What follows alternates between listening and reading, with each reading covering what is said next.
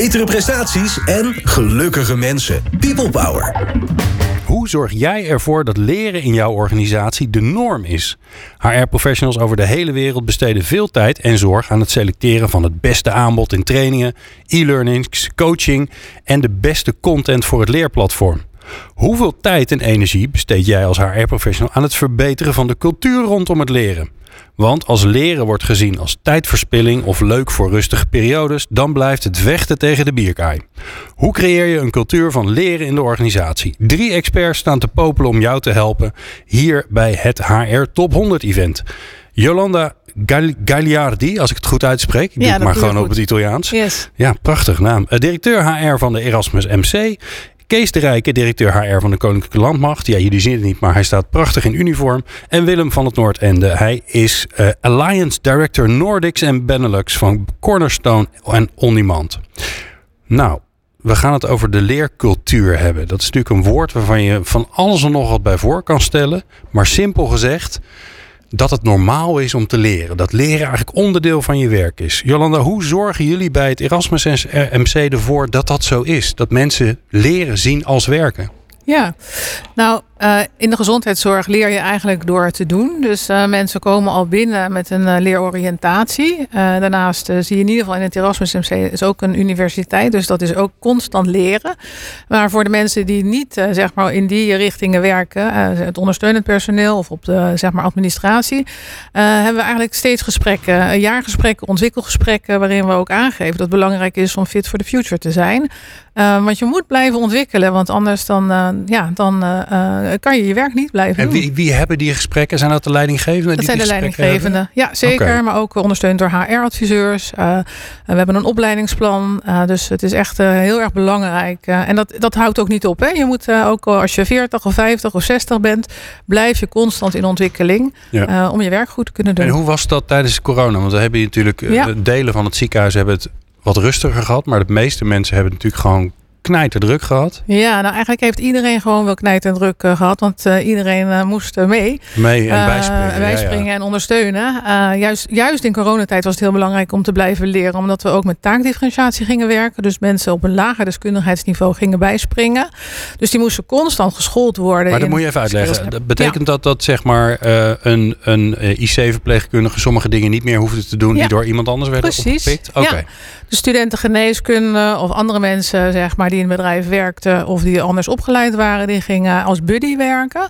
Uh, dus die moesten verzorgende handelingen doen. Uh, we hadden ook draaiteams van mensen die dus patiënten op die C constant moesten draaien, omdat ze anders zouden gaan doorliggen. Nou, we hadden daar hele skillstraten voor ingericht. En uh, mensen gingen dus eigenlijk steeds in opleiding om, om bij te blijven. Um, en ja, dus, dus zo hebben we eigenlijk ook wel echt nog steeds duizenden mensen opgeleid. En zijn er nou dingen daarvan waarvan je zegt van nou dat, was, dat werkte zo fantastisch, dat blijven we gewoon doen?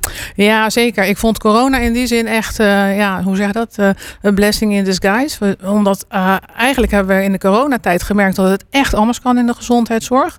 Op afstand zeg maar zorg verlenen, behandelen, dokters die teleconsulten gingen doen. maar ook zeg maar met buddies werken, taakdifferentiatie verpleegkundigen echt alleen nog inzetten daar waar ze nodig zijn. En als je kijkt naar de toekomst, waarin we steeds minder verpleegkundigen krijgen, hebben we die discussie ook echt met elkaar te voeren. Dus in die zin heeft corona ons ook wel echt de wind in de zeilen gebracht. En daarin heeft HR ook echt, uh, ja, eigenlijk, HR eh, doet het licht uit uh, en het licht aan bij grote veranderingen. Of hoe zeg je dat? Je bent er eigenlijk altijd. Ja. en zeker in deze periode, scholing, opleiden, allerlei regelingen. dus nou, we hebben heel veel aan die coronatijd eigenlijk gehad. ja. ja. Dus never waste a good crisis. Zeker. Nou, dat brengt me naar onze volgende gast, Kees de Rijke van de Koninklijke Landmacht. Nou, Kees, we gaan van uh, het Erasmus MC, die natuurlijk ja, in de frontlinie heeft gestaan bij, uh, bij corona, gaan we naar de Landmacht. Nou, hoop ik dat jullie niet de frontlinie in hoeven. Nou ja, eigenlijk ben je er al zo'n beetje, toch? Aan de grenzen van Europa, de staan de collega's al. Ja, dat klopt, ja. Hoe zorgen jullie er binnen de Landmacht voor dat die, die cultuur van leren, dat het normaal is om te leren? Nou, laat ik even beginnen met dat, ik het wel echt een mooi verhaal vind uh, wat Jolanda vertelt. Echt, ik van, uh, want ik herken natuurlijk wel heel veel in de manier waarop zij ook met crisis omgaat. Uh, en onze mensen hebben ook bij Jolanda gewerkt in de Erasmus. Dus we, hebben, we komen ook net uit een tijd dat we, nou wat ik al zeg, de, onze militairen in de vaccinatiestraten staan in ziekenhuizen te helpen.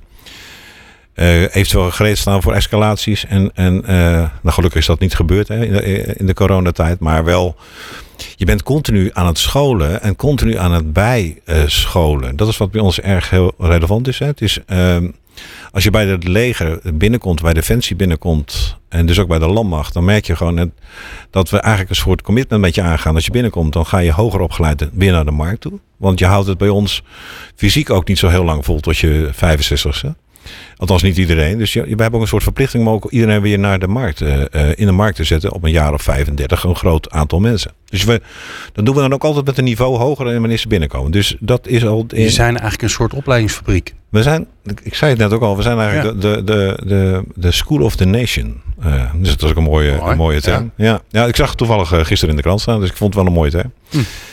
Uh, maar um, dat betekent dat we nu bijvoorbeeld de verpleegkundigen die we nu hebben ingezet, uh, weer uh, nu richting Roemenië sturen of hebben gestuurd. Maar die missen dus heel veel opleidingen. Want die hebben alleen maar aan IC-bedden gestaan. Ja, die hebben gewoon gewerkt. Dus, ja. ja, maar alleen maar IC. En okay. dat klinkt alsof je medisch bent bezig geweest. Maar ze missen heel veel skills als het gaat om die je in de oorlog tegenkomt. Hè? Hoe, hoe doe ik weer bekende benen verbinden? En als er iets ernstigs gebeurt, is schotwonden en zo. Dus daarop moet je ze weer bijscholen. Want dat hebben ze natuurlijk heel lang niet gedaan. Hm. Dat is omdat ze aan het bed gestaan hebben. Dus je merkt ook, en het zal misschien in het ziekenhuis maar ook hoe doe je dat dan? Want je rent van het ene conflict, het ene probleem naar het andere. Zodra ze, uh, zeg maar, zodra ze weer uh, terug zijn uh, bij de eenheid. En wij doen dat met, met, met, met ik denk dat het bij jou ook zo plaatsgevonden hebben. Met de rotaties. Ja. We gaan brengen ze naar het ziekenhuis, ondersteunen. Dan komen ze weer terug voor een aantal maanden. Dan gaan ze niet thuis zitten. Nee, dan moeten ze weer geskild worden op de algemene skills. En soms, nou ja, nogmaals, de overgang is soms zo groot.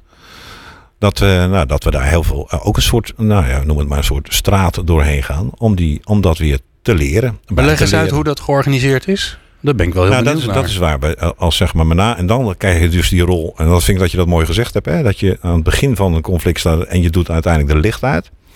Dus je zult ook aan het, in dat hele proces moet je gaan uh, externe instructeurs weer moeten gaan werven.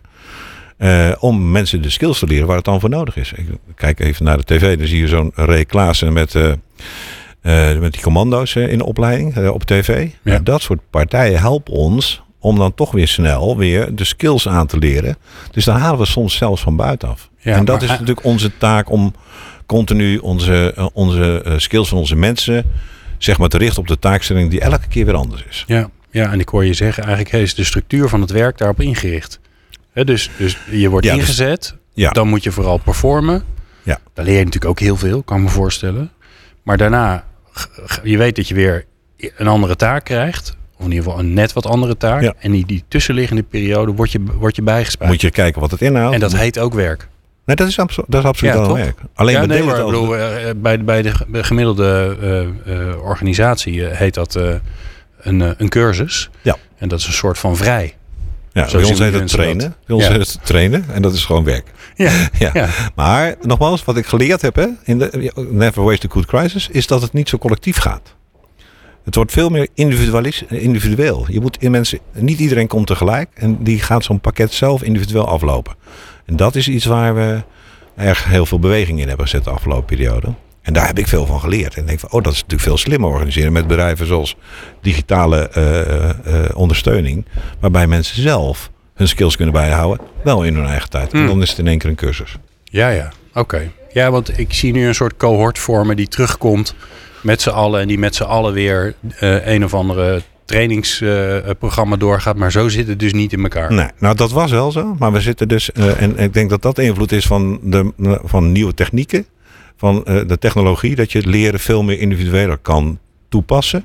Dat mensen hun eigen uh, skills weer kunnen bijtrainen en bijleren. En dat, is, nou, dat is de beweging die ik nu heel erg A in gang zet. En B, wat ik ook wel heel mooi vind om te zien dat dat wel heel goed past in deze tijd. Ja. ja.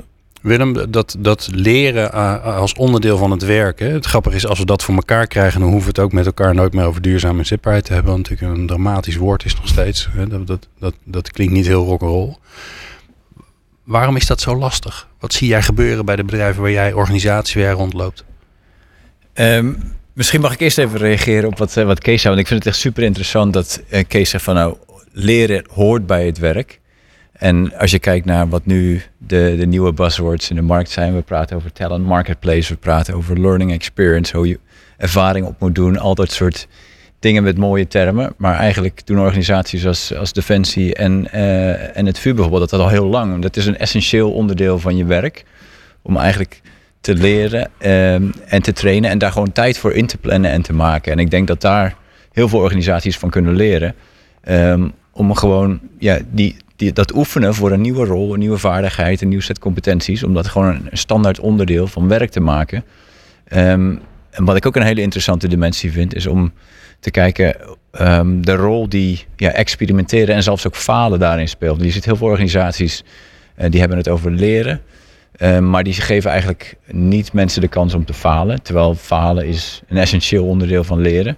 En zeker als je kijkt naar experience learning, ja, van, van falen leer je uiteindelijk het meest. Dus Ja. hoe, hoe kunnen we mensen gecontroleerd laten falen uh, om ze inzichten te bieden om zo verder te komen? Zo.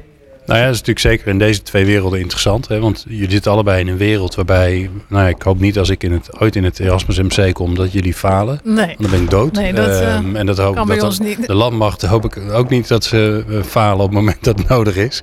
Maar het, maar het moet wel gebeuren. Dus dat is een hele interessante vraag natuurlijk. Van hoe, kan je, hoe, hoe kan je toch een omgeving creëren binnen een wereld waarbij eigenlijk het meeste, bijna alles goed moet gaan. Ja. Eh, waarbij toch ruimte is voor het falen. Mag ik daarop reageren? Ja, Ja, graag. Nou, echt de essentiële vaardigheden waar, waar echt risico's aan zijn, die, die trainen wij in een skills lab. Dus die doen wij niet eh, zeg maar zo eh, random op een patiënt, want dan eh, gaat het niet goed. Hè? Ik ben zelf ooit opgeleid als verpleegkundige en ik leerde ook prikken op een sinaasappel en niet in de huid van een patiënt. Dus nou, dat is ook fijn.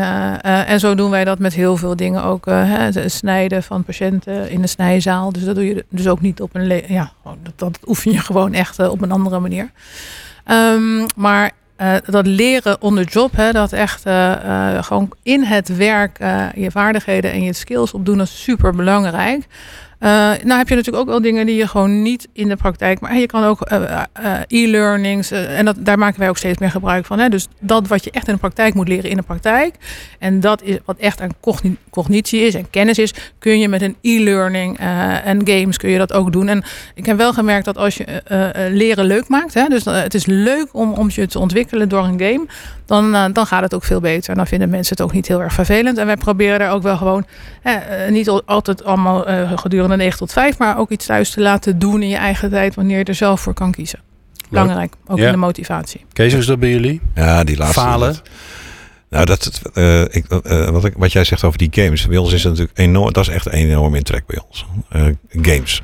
Hè, wij, wij faciliteren games, eh, oorlogsgames. Dat vindt iedereen leuk om. Ja, voor jonge heb, mensen. Ik heb er jonge het mensen. thuis zitten. Ja, niet anders. Ja, die van mij deed het ook altijd. Maar, Ja. eh, en, en deed dun altijd, want die deed ook nog tegen elkaar. op afstand. Eh, maar je merkt gewoon dat de jongelui dat eh, gewoon eh, eh, heel belangrijk vinden. Dus ook tactische decisions games. Hè. Het zijn allemaal eh, welke besluit je neemt in welke situatie. En de meest enorme crisissen worden daar, lopen daar vooruit. Hè. Ik las net vanmorgen in de krant een game die gespeeld was eh, internationaal. Waar we doen ook internationale games mee. Om te voorspellen wat Rusland gaat doen. Oh, En dan zie je die... om die scenario's Ja, eh, je gaat te laten we, we noemen dat wargamen. Eh wargamen doen we trouwens altijd voordat we echt gaan inzetten. Dat is wel grappig met het bedrijfsleven. Dan zeg ik wel eens, in, in, als ik dan eens wat een, een lezingje mag geven, zeg van, joh, wat ik nooit snap, is dat jullie, jullie doen grote stappen maken, maar jullie oefenen nooit van tevoren. Omdat, om, of gamen dat is. En geef iedereen een rol. Stel nou dat. En dan heb je bijvoorbeeld een nieuw bedrijf gestart in een ander land. En waarom oefen je dat niet voor? Wij zijn gewoon gewend om alles te oefenen en te gamen. En daarmee kom je tot beslissingen. En dan kom je. En nou ja, Cool. en Ja. dat soort vaardigheden kun je op die manier natuurlijk. En het, is, het past ook heel erg bij de habitat van mensen. En ik, ik weet niet hoe jij eh, met dat soort games omgaat, maar dat is wel de toekomst wat mij betreft. Absoluut. Ja, en ik denk dat de ja, Defensie eh, heeft daar denk ik al een hele lange tijd in voorop gelopen. Ja. Ik kan me goed herinneren, het eerste schot wat ik loste was in een simulator, Ja, eh, simulator, 25 jaar ja. geleden, of Ja. 20 jaar geleden, 21. Ehm, maar ja, ehm, en, en inderdaad wat je zegt oefenen. eh, ik denk, zo, zo- als ik kijk in onze organisatie, we gaan eh, zover als een dry run misschien, maar echt ja, de wargaming die jij beschrijft, eh, eh, om mensen beter elkaar in te spelen in rollen. Ik denk dat dat is eigenlijk ook waar, ehm, als je kijkt naar, naar bijvoorbeeld de talent marketplace, dus mensen laten oefenen in projecten. En het oefenen kan zijn gewoon een klein stukje van een businessproces voor het echt je uit laten voeren, maar mensen daar langzaam steeds meer eh, hands-on ervaring in geven. En dan zo die vaardigheden opstapelen en ja, dat, dat bij kunnen houden. Eh, dan krijg je denk ik eh, een breder palet aan, ja, aan, aan leerlingmogelijkheden wat je kan aan gaan bieden aan, aan medewerkers. En misschien het grappige van HR is, wat is dan de toegevoegde waarde van HR? Dat merk ik dat het, eh, het game of, of dat oefenen, eh, het leren veel meer om de persoon eh, in, in levensfase wordt weggegeven. Je zoekt uit welke levensfase zitten mensen. Oh, nou, weet je, die hebben niet zo moeite om s'avonds niet thuis te zijn. Dus ze kunnen gewoon een game spelen op het, op het werk. Maar er zijn natuurlijk heel veel mensen die gewoon een heel privé hebben. Die we hebben eh, balans. We hebben ook met corona geleerd dat er veel mensen thuis zitten. Dus faciliteer dat met andere tools. En dat vond ik buitengewoon interessant. En mijn baas vond dat ook heel interessant. Om dus met- die perspectief tegen dit soort ontwikkelingen aan te kijken. Mooi. En dat is voor ons nieuw. Mooie tip om mij af te sluiten. Ik dank jullie zeer, eh, Jolanda Gagliardi, de directeur van HR Erasmus MC, Kees de Rijke, directeur HR van de Koninklijke Landmacht en Willem van het Noordeinde van Cornerstone On Demand. En jij natuurlijk, dankjewel voor het luisteren. Meer afleveringen vind je op peoplepower.radio en jouw favoriete podcast app.